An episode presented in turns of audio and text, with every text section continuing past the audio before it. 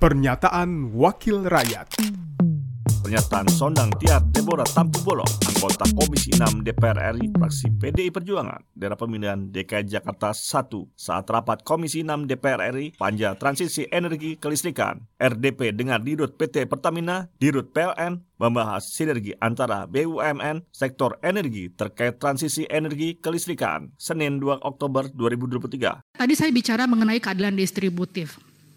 Untuk wilayah-wilayah dengan pulau-pulau kita mengerti bahwa saat ini masih banyak sekali yang menggunakan pembangkit listrik tenaga diesel dengan berbahan eh, bakar solar solar. Apakah tidak bisa dikonversi dengan energi baru terbarukan yang ramah lebih ramah yaitu uh, pembangkit listrik tenaga solar atau surya tenaga surya.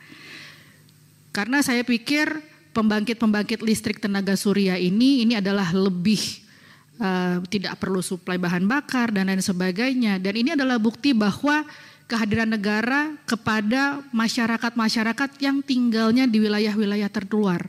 Ini harus betul-betul diperhatikan, Pak. Betul-betul sangat diperhatikan karena ini adalah menyangkut kedaulatan uh, masyarakat.